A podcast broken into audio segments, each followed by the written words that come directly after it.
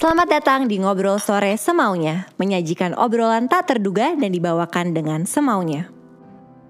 Halo semuanya, kali ini Ngobrol Sore Semaunya hadir bersama BRI dengan membawa kabar baik untuk kalian generasi Z dan millennials Indonesia. Sekarang BRI menyediakan produk dengan fitur yang cocok buat kalian yaitu Brimo dan Ceria. Brimo Super Apps milik BRI cocok banget untuk kita generasi muda yang inginnya serba cepat karena bisa digunakan untuk berbagai jenis transaksi perbankan seperti transfer, bayar tagihan, isi ulang pulsa dalam satu aplikasi. Dan juga ada ceria yang pas banget untuk kita bisa mendapatkan pembiayaan dengan mudah dan aman karena hadir dengan fitur digital dan dapat digunakan untuk pembiayaan transaksi melalui e-commerce atau online travel site dan sudah terdaftar dan diawasi oleh OJK. Di episode kali ini kita akan ngobrol dengan sosok inspiratif. Jadi yuk kita ketemu dengan bintang tamu kita hari ini.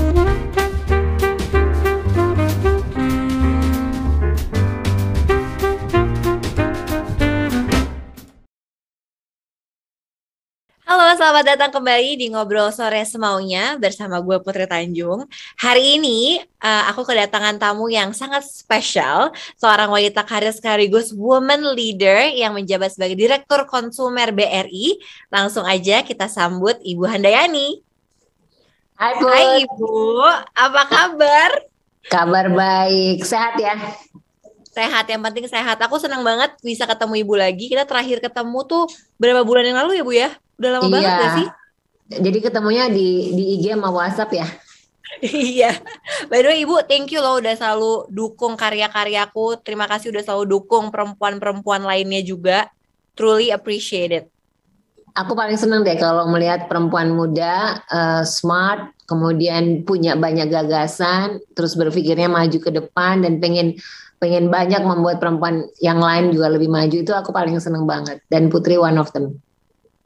Jadi kita kolaborasinya akan banyak ya Bu. Sesudah ini kita akan banyak kolaborasi bareng ya Bu pastinya ya. Harus dong, harus dong. Harus dong, benar. Bu, gimana kesibukannya akhir-akhir ini? Kayaknya aku lihat Ibu masih work from office nih. Uh, kalau work from office kayaknya sejak dari awal deh. Jadi kita sempat work from home itu cuma seminggu pertama awal-awal COVID dulu gitu ya bergantian. Setelah itu udah kayaknya nggak uh, bisa nih harus work from office karena memang banyak activity yang harus dilakukan sih gitu. Bukannya nggak percaya tetap, dengan daring ya, tapi ya. uh, kayaknya lebih enak kalau ke kantor gitu. Iya. tapi tetap ya Bu protokol kesehatan tetap aman ya Bu ya, tetap sangat ketat ya Bu. Sangat. Ini cuman karena kita ngobrol uh, begini aja, saya lepas masker biasanya selalu pakai masker BRI. Aku ingat banget waktu ke kantor BRI juga terakhir harus swab dulu, ada resultnya dulu ya gak Bu? Bener. Ya kan? bener. Emang bener, protokolnya aman banget. Bu, tapi aku mau tahu dong sebagai woman leader, stres nggak sih Bu menjadi leader di masa-masa pandemi ini Bu? Uh, aku sih bilangnya bukan stres ya, tapi pasti ada tantangan baru ya yang memang kita uh, harus hadapi. Itu is a, a new challenge yang kita nggak pernah uh, duga kan. Nobody itu uh, apa namanya uh, pernah berpikir bahwa akan ada seperti uh, challenge seperti ini gitu. Parah, Jadi uh, uh, stres mungkin awal-awalnya lebih ke shock gitu ya. Uh, kok ini begini gitu ya. Tapi uh, ketika itu apa yang kita mesti lakukan adalah ya kita mesti mengamankan pastinya ya mengamankan tentu uh, uh, tim kita diri kita sendiri tentunya kemudian tim kita kemudian mengajak mereka tetap harus berpikir positif ya bahwa ini sebuah tantangan yang tidak mudah dan ini uh, ya beruntungnya karena ini global ya jadi uh, kita bisa mendapat banyak informasi gitu uh, dari dunia-dunia uh, yang lain maksudnya belahan dunia yang lain jadi uh, membuat kita juga uh, banyak sekali hal-hal uh, yang bisa kita tiru sebenarnya untuk mengantisipasi gitu. Dan yang paling penting bisa beradaptasi ya Bu di masa-masa sekarang ya. Benar, Karena benar. opportunity-nya banyak ya Bu ya. Aku Bener lihat banget. juga BRI banyak banget melakukan inovasi-inovasi yang sangat luar biasa di masa-masa sekarang. Bu, kita waktu itu pernah ngomong juga waktu kita ketemu soal um, woman leader ya Bu. Jadi kan Ibu nih sebelum menjabat sebagai Direktur Konsumer BRI, Bu Handa ini sudah menjabat dalam beberapa posisi di perbankan, pernah di maskapai juga gitu kan. Tapi fun fact-nya, Ibu nih sama kayak Bapak Ibu saya adalah lulusan kedokteran gigi ya kan Bu ya. Saat itu hmm. dentis. Nah saat itu kenapa sih Bu memilih jurusan kedokteran gigi dan apa triggernya akhirnya malah nggak jadi dentis Bu? Jadi sebenarnya kan uh, mungkin beberapa uh, kali saya sering cerita bahwa dentis ini sebenarnya cita-cita dari ibu saya gitu kan. Jadi my mom itu background keluarganya itu uh, dokter lah banyak yang dokter. Jadi dia pengen lah anaknya salah satu jadi dokter. Kakak kakak saya nggak mau jadi dokter ya terpaksa saya. Dan menurut saya sih uh, membuat orang tua bahagia itu pahala kan ya. Dan biasanya itu uh, apa namanya menyenangkan hati orang tua itu uh, tentu banyak manfaatnya buat kita gitu. Karena doanya akan menjadi banyak yang uh, ini yang membuat kita lebih sukses. Dan akhirnya untuk untuk itu maka ya apa yang saya lakukan karena memang nggak terlalu suka ya di bidang uh, kedokteran ya akhirnya dicepetin selesainya. Dan akhirnya cepat selesai. Mungkin yang salah satu yang paling cepat selesai waktu itu gitu kan. Nah Berapa setelah tahun itu, bu saya angkatan 84, selesai itu selesai kuliahnya itu 87, biji tuh belum pernah ada uh, kedokteran gigi itu uh, kurang wow. dari lima tahun tuh nggak ada. Jadi aku selesai tuh tiga setengah tahun tuh udah selesai kuliah semua karena setiap setiap semester tuh ambil 22, 24 SKS terus gitu. Banget. Jadi tahun terakhir itu uh, semester ke-8 itu udah udah praktek yang di koas dan segala macam gitu jadi selesai itu uh, 88 uh, dan 88 ada pakto 88 itu perbankan kan nah menerima membuka semua uh, apa namanya lulusan dari uh, jurusan apa pun.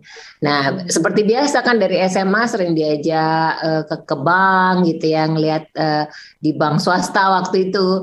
Di bank swasta bank asing tuh kayaknya anaknya keren-keren, cantik-cantik gitu kan. Kayak gitu kalau kita lihat di, di kampus itu yang paling cantik-cantik pasti masuknya ke bank gitu kan waktu itu ya. Jadi ah kayaknya enak deh kerja di bank. Gitu kan ya. Ya udah langsung ikutan lah uh, manajemen development program di salah satu bank swasta dan keterima gitu. Ya udah jalan lah karirnya. Bu, tapi kan tidak banyak perempuan yang mendapatkan kesempatan sebagai woman leader di industri, terlebih industri ibu adalah um, notabene-nya male dominated. Benar. Boleh share nggak sih Ibu journey Ibu Handayani berkarir sebagai uh, banker dari awal sampai saat ini Bu? Iya, jadi benar banget kalau kita lihat dari dari dulu ya, kalau kita nama uh, sering lihat ini ya storynya itu pasti bankers itu laki semua pria semua gitu ya. ya. Dan uh, buat perempuan memang uh, harus uh, harus uh, ekstra ya untuk kita uh, menempati sebuah posisi karena biasanya kalau perempuan kalau di bank itu selalu dikonotasikan udah di customer service saja udah di teller hmm. aja gitu kan ya selalu gitu hmm. karena supaya jadi ya. pemanis-pemanis gitu kan terus uh, kemudian uh, karena waktu itu saya bilang enggak ah saya mesti mesti belajar nih karena kan saya dari dentist jadi uh, kalau saya mau masuk ke bank tentu harus belajar benar-benar. Makanya masuknya ke manajemen development program di mana itu benar-benar di training tentang ilmu bank. Nah waktu itu memang uh, di bank uh, saya yang pertama itu mereka men-challenge kalau lulusan MDP yang ranking 1 sama 3 itu gajinya beda sama ranking 4 sampai 5, kemudian 5 dan seterusnya. Itu beda salary-nya gitu. Jadi kebetulan kan dari kecil memang saya sering dibiasakan oleh uh, my dad khususnya itu uh, hidup tuh harus punya goals dan kalau ada tantangan tuh harus di di conquer tantangan itu dengan cara yang sportif gitu kan. Jadi buat saya itu sebuah tantangan uh, kalau ranking 1 sampai 3 dapat gaji lebih besar daripada ranking 4 sampai 5 ini challenge nih tantangan gitu kan.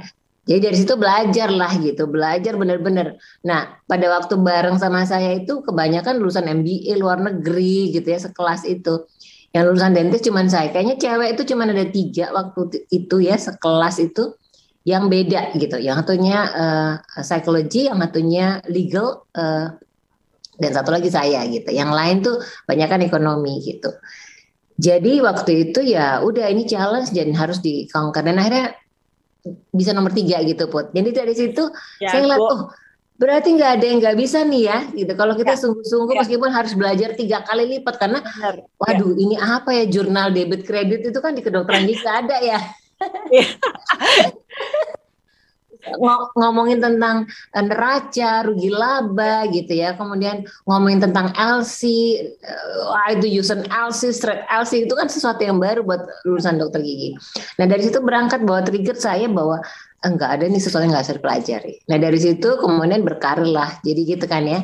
Nah kemudian itu menjadi challenge gitu. Jadi kalau di sebuah posisi saya ngeliat dua tahun ke depan saya mesti jadi apa ya gitu kan.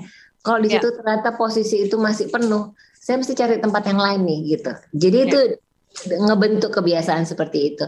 Nah itu menjadi sebuah pola jadinya dalam arti karir gitu jadi punya milestone. Misalnya saya tuh nggak boleh lebih dari 10 tahun ya untuk bisa di posisi A gitu. Atau ya. saya harus umur 30 itu udah harus jadi at least AVP ya. Di, ya. di bawah 40 harus jadi VP ya. Dan itu itu menjadi sebuah target yang memang uh, ya kita sendiri yang mesti conquer itu gitu. Dengan cara apa ya? Dengan cara membuktikan dengan prestasi pastinya. Dan itu tidak mudah buat perempuan ya Iya. Hmm. Tapi yang penting kita punya kemauan ya Bu. Tadi Bu Ani bilang kita punya kemauan karena pasti kita bisa kalau we set our mind to it ya Bu. Correct, terus yang kedua harus punya goal, punya milestone. Sama yang ketiga harus mau terus belajar ya Bu. Bener, bener banget. Nah Bu, tapi apa sih perbedaan industri bank awal Ibu masuk waktu itu sama sekarang? Apa perubahan paling besar Bu? Yang pasti kan kalau zaman dulu itu kan uh, sangat kaku ya bang itu kan sesuatu yang very rigid sangat kaku dan lebih ke uh, proses oriented rather than customer oriented gitu. While now kita justru terbalik nih, gitu kan? Uh, we should listen to the customer first before you create a service or product, gitu kan ya. Jadi totally different. Kalau dulu kan orang bank bisa bilang nggak bisa, gitu kan ke nasabah terus nasabah ya sudah deh di, dia nggak dia akhirnya nurut gitu kan because yeah. there is no choice kan buat mereka untuk uh, apa namanya melakukan uh, apa aktivitas uh, terkait dengan financialsnya but now kan there is a lots of uh, uh, choices kan yang ada di market itu kalau bank ini nggak bisa why don't you go to another bank yang giving you more uh, flexibility kayak gitu jadi yeah. uh, jadi beda banget buat jadi justru sekarang uh, itu lebih kepada customer driven process rather than yeah. Uh, product driven process gitu kira-kira kayak gitu. Itu garis besarnya ya. Ya, itu benar banget sih Bu dari yang kaku jadi tiba-tiba very adaptive ya. Karena kan mm -hmm. uh, consumer needs sama demand selalu berubah-berubah terus ya bener, Bu Andayani. Benar, benar, benar banget. Aku masih penasaran kan Ibu mention bahwa benar kan bahwa di di bank ini kan sebenarnya male dominated Bu gitu. Nah, Ibu Handa ini kan sekarang sebagai leader nih. Tantangan terbesar yang Ibu hadapi apa sih Bu? Ada nggak sih kayak pernah ada kejadian-kejadian yang kayak wah, ini karena perempuan jadinya Ibu digituin gitu? Ya, karena selalu gini ya, kalau kita bicara tadi perempuan dan laki-laki, namanya male dominated, dia pasti lebih prefer, lebih con, uh, convenience kalau dia bekerja dengan sesama laki-laki pastinya. Iya. Uh, in term yeah. of communication, in term of hobby misalnya, in term of uh, apalah kenakalan-kenakalan, eh, mungkin de, uh, laki sama laki tuh ke, kesukaan, kenakalan, ke uh, uh, hobi dan sebagainya lebih suka bisa menyambung kalau sama laki-laki.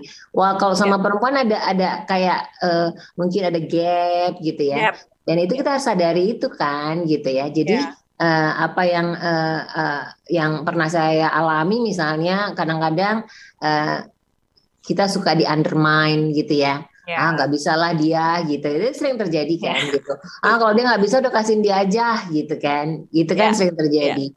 terus kadang-kadang oh. kalau kita misalnya kita nanya detail misalnya ke bos kita atau kita nanya ke anak anak buah kita aduh ini cerewet banget sih ibu ini gitu kan jadi ada rasa-rasa yang kayak gitu kan ya sering kali kayak gitu kan gitu padahal sebenarnya kita adalah kalau perempuan itu kan uh, dia lebih memang uh, by by apa naturally karena kita tuh kan kalau di rumah atau uh, kebetulan saya udah berkeluarga gitu kan udah punya anak gede juga dari dulu kan memang kalau perempuan tuh selalu ngurusin ya ngurusin dari mulai ya. itu lah gitu dan itu kan menjadi sebuah kebiasaan yang menurut saya tidak tidak buruk gitu ya tapi justru ya.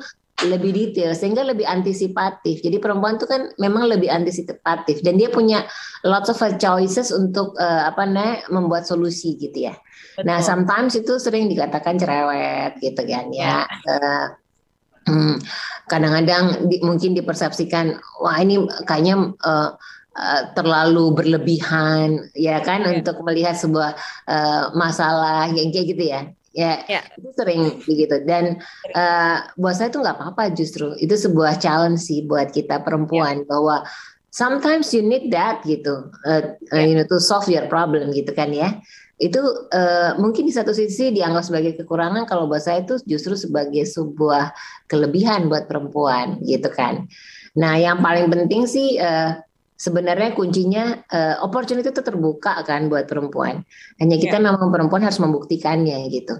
Nah kadang-kadang kita juga salah juga kadang-kadang uh, melihat perempuan lain misalnya yang dia juga berprestasi justru kita menjadi menjadi malah jadi kayak tersaingi. Padahal sebenarnya harusnya yeah. tidak begitu. Justru kita harus bergandengan yeah. tangan mensupport untuk sama-sama perempuan gitu untuk lebih uh, uh, perform gitu kan.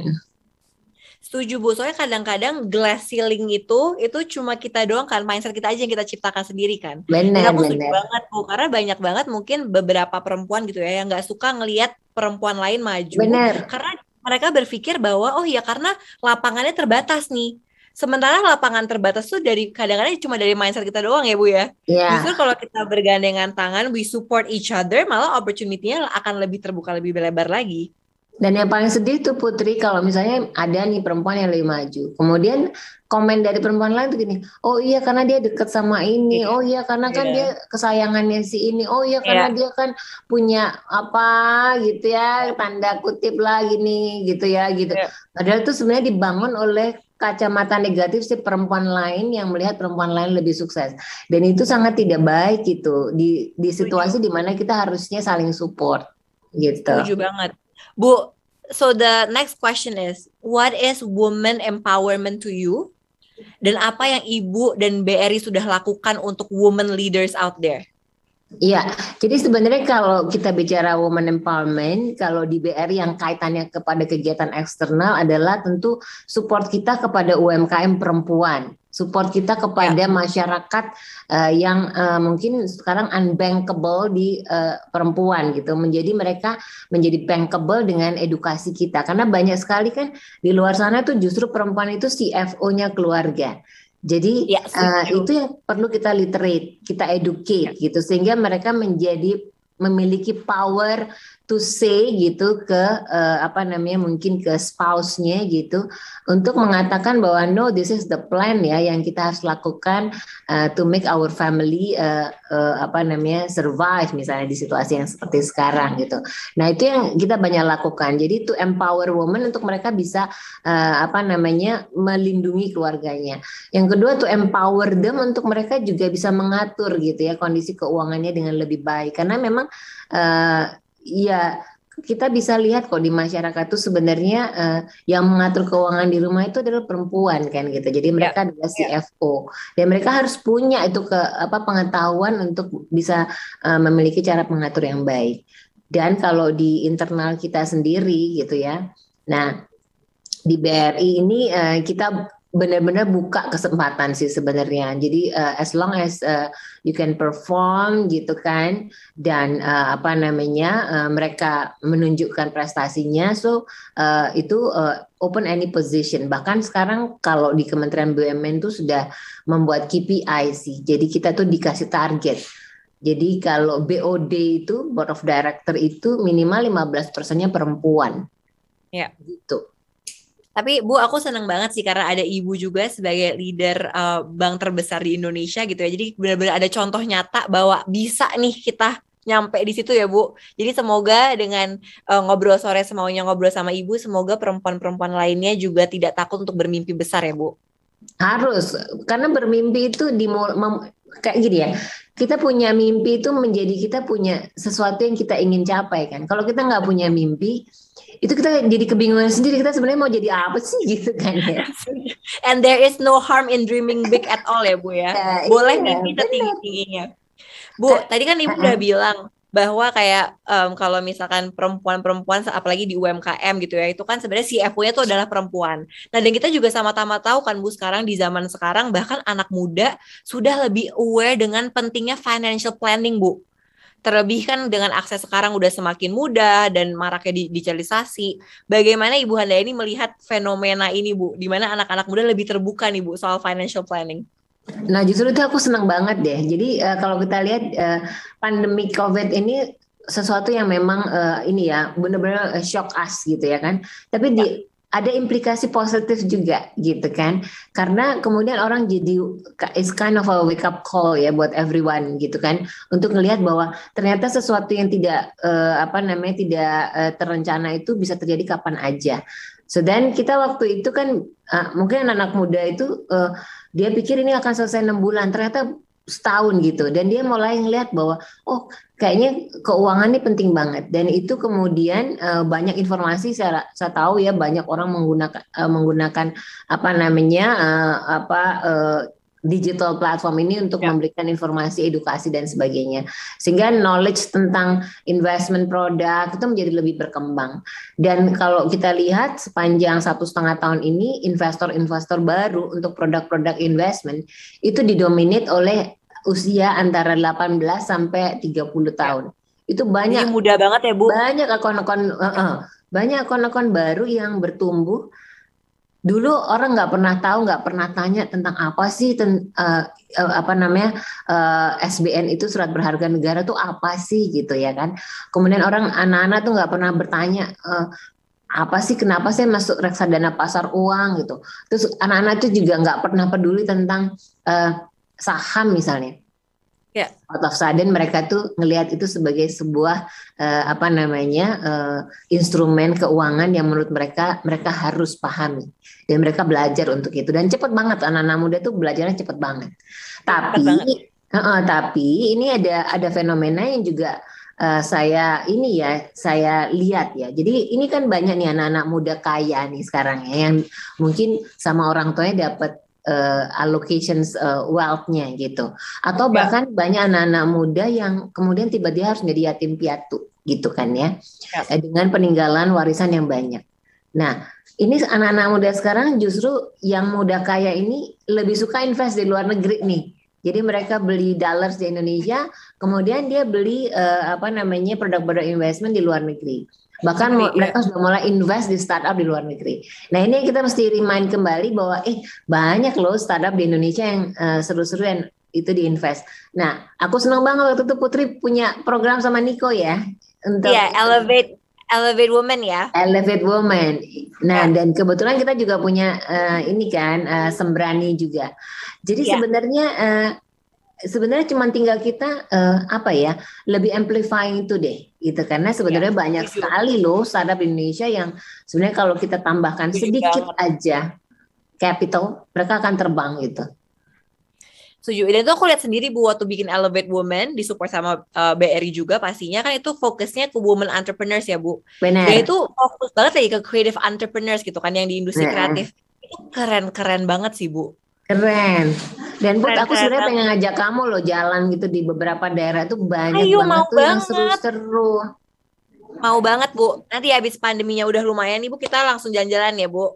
Bener. Aku pengen ngajak kamu ke satu desa yang namanya Wonogiri. Oke. Okay.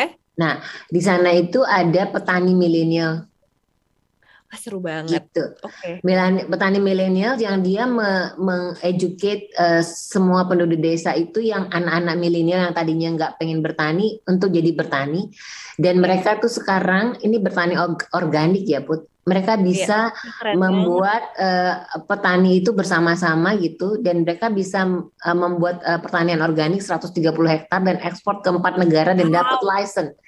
Wow. Gitu. Dan Putri kalau ke sana ya lihat sawahnya tuh keren banget, sawahnya tuh keren banget. Oke, bener ya Bu, kita bener. habis pandemi kita ke sana ya. Harus Tapi Bu, emang aku setuju banget sih. Emang anak-anak muda kita tuh keren-keren banget, inovasinya juga keren-keren banget. Waktu itu kemarin kita sempat bikin um, UMKM um, pahlawan digital Bu. Jadi kita mencari inovator-inovator hmm. muda yang punya startup yang membantu UMKM untuk go digital. Nah, itu aja Bu ya ampun, banyak banget dan keren-keren banget inovasinya. Jadi aku setuju sih untuk teman-teman yang udah mulai berinvestasi sebenarnya startups kita tuh keren-keren banget ya Bu. Bener. Apalagi sekarang ada yang uh, spice uh, spice up ya, yang Pak ya. Luhut kan lagi itu kan. Dan aku kemarin tuh ngeliat tuh juga ada produk dari salah satu millennials itu mereka uh, mempackaging kayak uh, herbs gitu ya, kayak rempah-rempah yang di packaging cantik yang sebenarnya ini udah kualitasnya udah ekspor gitu. Cuman yeah. mungkin ini harus cari dapetin orang yang bisa men-live up them Membantu. gitu. Iya. Mm-hmm. Bu kan kita tadi ngomongin soal banyak banget berarti pengusaha-pengusaha muda nih Bu dan kita juga tahu bahwa pengusaha-pengusaha muda tuh sangat mementingkan tentang financial mereka dong ya Bu financial planning. Ibu kasih dong tips atau tricks atau skill apa sih Bu yang penting dimiliki um, masyarakat terutama generasi muda terkait financial planning terutama di masa-masa sulit seperti ini Bu di masa pandemi. Ya, jadi aku, aku selalu bicara sama setiap orang ya. Kita mesti punya uh, punya uh, cara gitu ya untuk kita memastikan bahwa kita punya perencanaan yang baik tentang keuangan itu gitu. At least kita pertama adalah kita harus alokasikan dana darurat nih put. Ini kan sekarang tuh uh, kayak apa namanya uh, kondisi krisis seperti ini tuh bisa lebih cepat kan bahkan uncertainnya tuh lebih banyak jadi kita mesti nentuin gitu dana darurat kita itu berapa ya. Nah kalau dulu gitu ya sebelum kejadian pandemik kita bilang dana darurat tuh enam bulan ya. Ternyata sekarang nggak cukup loh put gitu kan. Kita mesti bikin yeah. itu coba kita stretch out ke satu tahun atau satu setengah tahun bahkan dua tahun gitu. Nah cuman kita mesti tentu ini saya tuh bisa hidup nyaman gitu ya uh, tidak stres. Ketika misalnya saya punya dana bulanan itu yang ada di di apa di saya itu minimal berapa? Oh 5 juta misalnya. 5 juta saya ya. tuh udah bisa lah hidupnya normal gitu ya. Meskipun tidak mewah ya. tapi paling tidak bisa makan dan bisa memenuhi bayar listrik bayar pulsa gitu. Ya. kita kalian aja 5 juta kali misalnya kayaknya nggak cukup deh enam bulan minimal satu tahun 12 bulan. Nah itu harus jadiin dana darurat yang harus ditaruh di tempat yang kapan saja kita bisa ambil. Nah bentuknya apa Ya kalau paling simple ya savings account. Kalau mau agak lebih ada resiko dikit tapi dikit aja resikonya tapi dia liquid reksadana pasar uang misalnya kayak gitu ya. Nah, atau misalnya kita taruh di instrumen misalnya yang uh, kayaknya saya mau taruh tapi di di saham yang mungkin blue chip yang yang dia resikonya nggak terlalu volatile itu bisa pilih nanti dilihat uh, belajar yang karena kan saya misalnya usianya saya masih 25 tahun atau 30 tahun. Ya. Jadi saya mesti bisa ambil uh, balancing antara yang risk sama enggak risk gitu. Nah, dulu kita bicara kalau kita punya uang gaji 10 juta misalnya. Itu selalu kita bilang, "Oh, rumusnya 40 30 20 10 gitu. 40 untuk hidup ya. sehari-hari gitu. 30 itu untuk kita eh, membayar kewajiban kita. Apakah kartu kredit, apakah cicilan yang lain gitu ya. 20% itu adalah untuk investment biasanya. Jadi kita masuk ke produk-produk investment 10% itu biasanya untuk kesenangan kita. Ngopi dan sebagainya gitu ya kan. Nah itu rumus yang lama. Kalau sekarang mungkin udah harus berubah gitu. 40 mungkin malah cicilan tuh 20 ya tapi investasinya di, agak dibanyakin ya gitu. Kesenangannya dikurangi kayak gitu ya. Jadi itu itu yang mungkin uh, kita dan itu mesti disiplin gitu nggak bisa kadang-kadang jadi kalau saya terima 10 juta, ah kadang-kadang pengen nabung, ah kadang-kadang pengen beli investment, nggak bisa, harus tetap rajin gitu. Ya, Jadi kalau kita konsisten ya Bu. Hah? Harus ya. konsisten. Harus konsisten. Dan nggak boleh panik ya, nggak boleh panik. Misalnya gini, oh ya, sekarang ya, uh, ada saham nih, buka lapak lagi ini go public gitu oh, iya, kan iya. beli Langsung. gitu kan ya beli gitu kan beli banyak gitu kan ya sudah gitu naik oh ntar dulu ah berharap makan naik lagi nggak bisa kita kan mesti tentuin kan begitu turun lo kok turun ngomel semua di Instagram gitu kan ya jadi gak boleh emosional ya bu. Kalau investasi itu ah, gak boleh emosional. Gak boleh, gak boleh. Kalau kita mau masuk saham itu kita mesti lihat horizonnya. Saya mau trading atau saya mau invest kan gitu. Kalau mau trading kita mesti tentuin trading ini saya kalau punya lah udah dapat trade udah dapat uh, gain 5%, saya harus execute misalnya. Itu sesuai dengan appetite kita ya gitu. Kalau mau loss 5% maksimal yang bikin saya nggak stres, ya begitu lossnya lima persen ya harus dieksekut juga gitu nah itu itu disiplin itu harus ada kalau kalau kita memang mau melakukan investment gitu ya, gitu kira-kira Bu, thank you. Itu insight-nya bagus banget. Ini pasti teman-teman harus di harus didengerin dan benar banget aku setuju memang harus konsisten, disiplin dan jangan emosional kalau investasi ya, Bu. Karena aku pernah mengalaminya juga. Oh, pernah ngalamin ya? Pernah, pernah. Bu, tapi berkaitan dengan Pernah kan Bu? kan wow gitu kan lagi excited-excitednya. Bu, tadi kita tahu nih tadi Ibu juga udah bilang bahwa fenomena sudah lebih terbuka lah ya Bu generasi muda gitu ya terhadap financial planning. Nah, strategi apa nih Bu yang Bank BRI berikan kepada anak muda di era digital seperti ini? Karena kan aku dengar ada uh, Berimo, ada Ceria. Boleh nggak sih Bu ceritain sedikit Iya, jadi kan uh, kita uh, memang sejak 2017 itu kita punya mencanangkan revolution itu transformation ya. BRI okay. itu ke arah digital. Sebelum pandemi ini ada karena kita melihat bahwa uh, kita harus melakukan proses itu secara efisien gitu dengan jumlah cabang kita yang semakin banyak, kemudian uh, banyak hal yang kita mesti lakukan, maka uh, uh, salah satu transformation yang kita lakukan adalah uh, digitalization. Digitalization itu ya. kita sudah buat sejak 2017 2018 nah kemudian ya bu ya? Uh, uh, kemudian itu kan proses berproses berproses. 2019 tuh semuanya selesai tuh. Jadi dalam tahap uh, phase yang udah selesai. Datanglah pandemi gitu ya. Nah makanya kemudian uh, ini tepat sekali dengan antisipatif kita sebelumnya gitu. Nah Brimo ini salah satu uh, apa namanya uh, mobile banking kita gitu yang yang uh, dilengkapi dengan fitur-fitur yang membuat customer ini uh, aktivitasnya nggak perlu ke bank lagi gitu. Hmm. Jadi di situ juga dikasih uh, apa uh, fitur buka tabungan tanpa harus ke bank gitu kan. Kemudian tarik tunai nggak perlu pakai uh, kartu lagi pencet-pencet tutsnya uh, uh, ini ya ATM gitu. Yeah. Karena itu kan kita takut untuk ini ya untuk apa namanya uh, uh, infected COVID kadang-kadang bisa menular melalui uh, perangkat-perangkat seperti itu katanya gitu kan ya.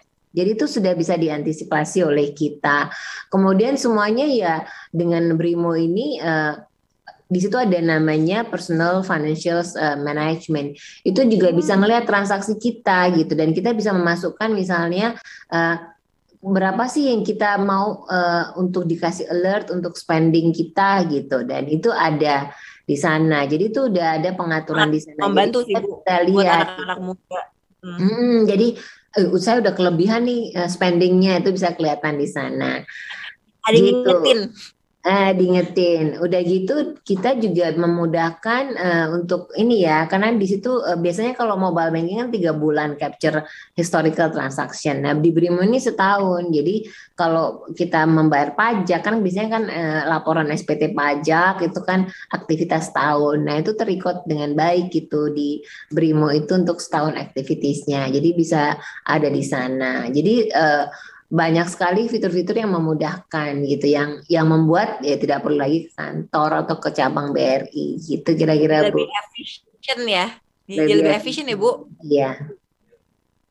Oke, kalau ceria Bu Nah, ceria, ceria itu digital lending kita. Jadi kan kita tahu ya di era pandemi ini itu uh, bahkan waktu itu uh, sempat tuh di uh, meeting koordinasi antar kementerian kan. Ini gimana nih situasi pandemi kan orang nggak nggak bisa ke ke bank. Jadi gimana? Padahal mereka butuh uh, apa emergency cash gitu, emergency fund untuk hidupnya mereka. Nah, untungnya kita punya digital lending kita yang namanya ceria. Jadi uh, customer itu uh, bisa apply ceria tanpa harus juga ke BRI.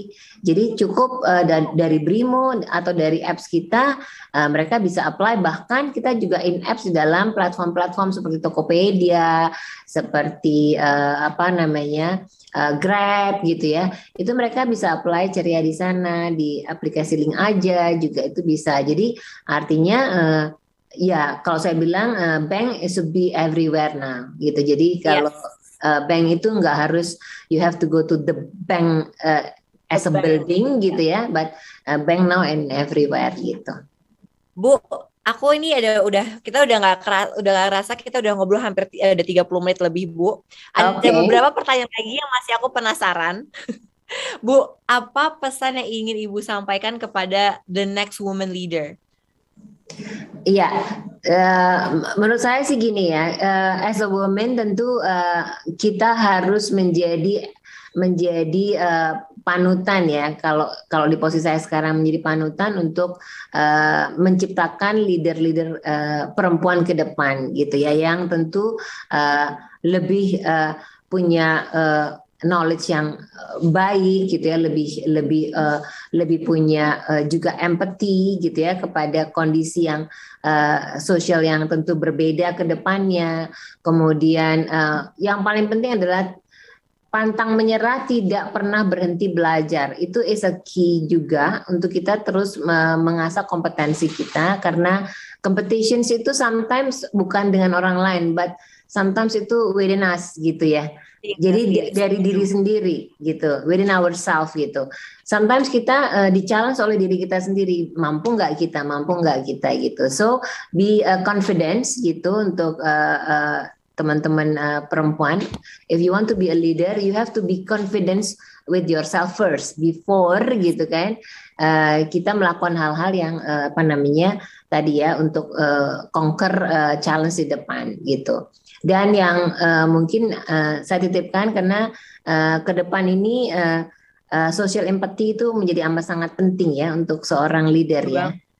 Gitu, yeah. sangat penting. Jadi uh, kita mesti punya dan membangun itu gitu supaya uh, kita bisa memajukan Indonesia dengan cara dan uh, sikap uh, yang tentu yang diharapkan oleh founder kita ya bahwa kita itu harus menjadi uh, apa namanya orang-orang uh, Indonesia yang menghargai norma-norma uh, antara lain juga norma-norma yang tentu kita juga tahu ya sudah uh, explicit di dalam uh, ini kita apa namanya uh, Pancasila kita gitu.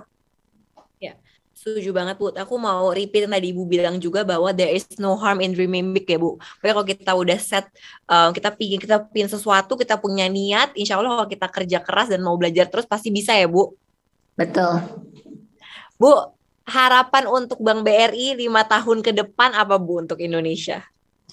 Um, yang pasti uh, eh, BRI ini harus menjadi uh, perusahaan kebanggaan Indonesia di ya. mata dunia, gitu ya karena uh, memang uh, value kita kan we want to be uh, the the most valuable banking in Southeast Asia and champion uh, for financial inclusion. Jadi kita ingin menjadi bank kebanggaan Indonesia di mata dunia dan uh, berharap dengan peranan BRI tentunya ya untuk bisa uh, meliterasi uh, khususnya nasabah yang uh, ultra mikro dan mikro, peranan ini tentu uh, berharap memberikan banyak impact positif untuk kemajuan Indonesia karena uh, kita ingin membangun itu justru dari bawah gitu untuk kita bisa menguatkan jejaring ekonomi di Indonesia.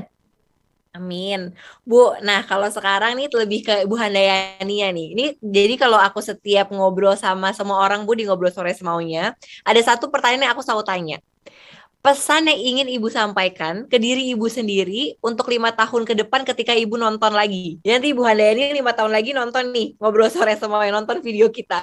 Apa yang ibu sekarang mau sampaikan ke ibu Handayani masa depan? Uh, sebentar, aku mikir dulu ya.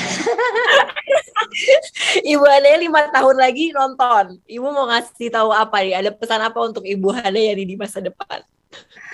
Uh, gini, eh Hani uh, um, jangan terlalu keras kepada dirimu sendiri gitu. Just sometimes you have to you know be relaxed gitu karena nggak ada yang sempurna. Pasti sesuatu itu uh, ada yang uh, apa namanya ada uh, sisi yang uh, kurangnya. Karena saya termasuk orang yang perfeksionis gitu. Apa apa tuh maunya sempurna gitu. Sama bu, sama sama Bu. Itu ibuku juga selalu ngingetin Bu kayak gitu. Hmm. Don't be so hard on yourself. Itu juga penting banget sih pesan-pesan untuk semua perempuan-perempuan yang berkarya ya Bu. Untuk tahu kapan harus stop juga ya Bu. Dengerin badan, dengerin Benar. Benar. Gitu. Jadi kadang-kadang begitu gitu. Jadi pengennya uh, ingin semuanya itu sempurna gitu kan. Padahal yeah. itu uh, ya kesempurnaan itu milik yang di atasnya. Betul. Ibu Handani, thank you so much untuk waktunya. Senang sekali bisa ngobrol-ngobrol sama Ibu. Kita mendapatkan banyak insight. Semoga perempuan-perempuan yang nonton juga terinspirasi. Jadi Ibu, terima kasih banyak. Terima kita, kasih Putri. Thank you so much. ya Bu. Kita ini ya nanti kita benar-benar jalan-jalan ya. Benar-benar ya. Uh, see you ya? next uh, di uh, ini offline ya. Offline ya. Oke, terima kasih teman-teman yang udah nonton ngobrol sore semaunya. Jangan lupa untuk terus nonton ngobrol sore semaunya. Jangan lupa subscribe ke YouTube CXO Media dan untuk dengerin full versionnya bisa dengerin di Spotify. Thank you so much Ibu. Thank you Putri. Sukses selalu, sehat selalu loh ya. Sehat selalu ya Bu. Regards to Bye. your parents juga, your mom and dad. Will do, will do Ibu. Bye bye. Bye.